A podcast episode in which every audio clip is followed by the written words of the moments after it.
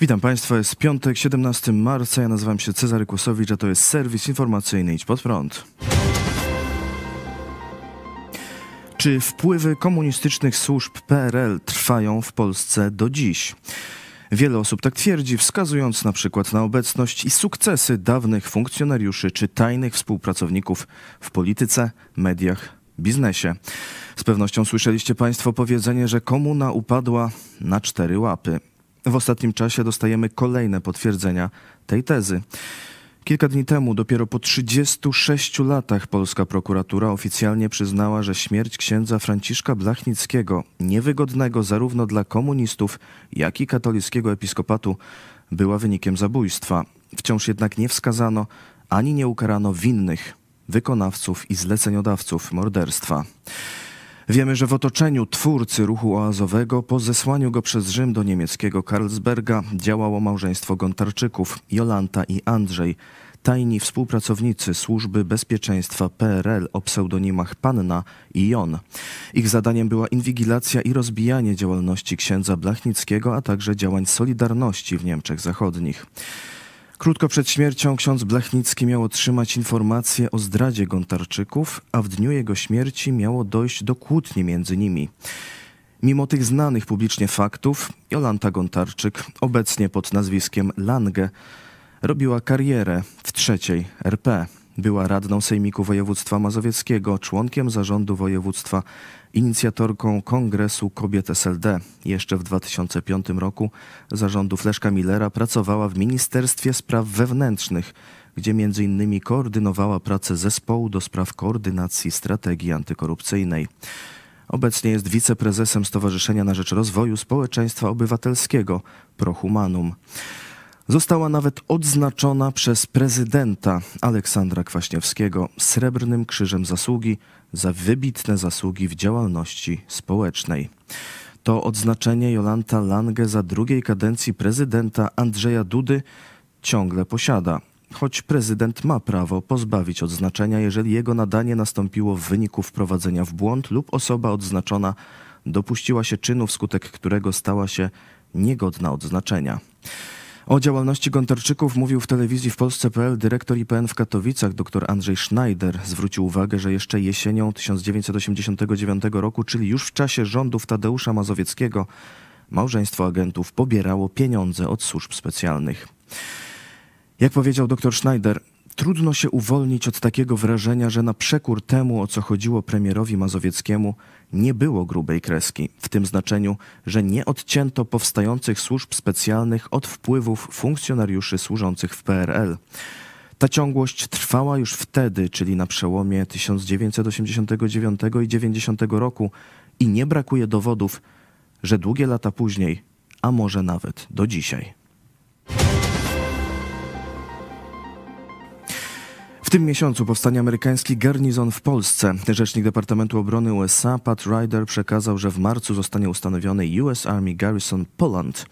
Jednostka ma wspierać amerykańskich żołnierzy w Polsce, ulepszyć zdolności dowodzenia i zarządzać wysuniętymi placówkami w naszym kraju. Będzie to ósmy garnizon wojsk lądowych USA w Europie. Wcześniej Pentagon przekazał, że do Polski dotarli pierwsi żołnierze przydzieleni na stałe do służby w Polsce w ramach kwatery głównej 5 Korpusu US Army, nazwanej Camp Kościuszko.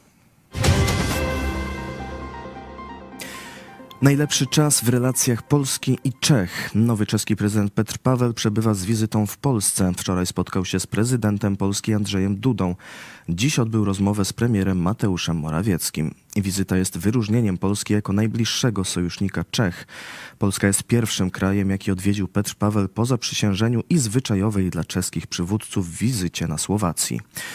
Wczoraj czeski prezydent powiedział, że w całej historii nasze relacje nie były na tak dobrym poziomie jak teraz. Podobnych słów użył dziś premier Morawiecki. Kancelaria premiera przekazała, że głównym tematem rozmów były kwestie współpracy polsko-czeskiej oraz zagadnienia dotyczące bezpieczeństwa, w tym związane z rosyjskim atakiem na Ukrainę. Wczoraj w wywiadzie dla Gazety Wyborczej Petr Paweł został zapytany, jakie będzie jego przesłanie w Warszawie. Odpowiedział: Korzystajmy częściej ze zdrowego rozsądku. Nie usztywniajmy się w swoich procedurach, bądźmy bardziej elastyczni i chętniej szukajmy wspólnych rozwiązań w naszych wspólnych interesach. Jest wiele cząstkowych interesów, które czasami uważamy za kluczowe, ale tak naprawdę lepiej byłoby od czasu do czasu, gdybyśmy poszli na pewne ustępstwa na rzecz większego celu.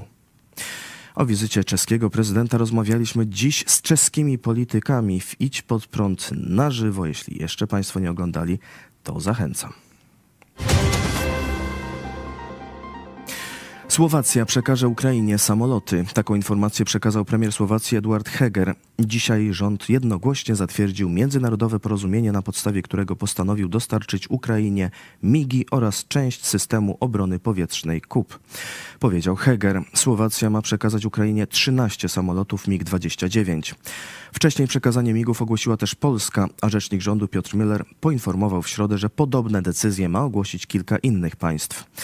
Mamy już jasne deklaracje, które to państwa będą, ale umówiliśmy się, że one we własnych terminach i stosownych procedurach tego typu decyzje ogłoszą, powiedział rzecznik polskiego rządu. Policja zatrzymała byłego wiceszefa Centralnego Biura Śledczego Policji Rafała Derlatkę. Poinformowali o tym wczoraj dziennikarze Radia Z.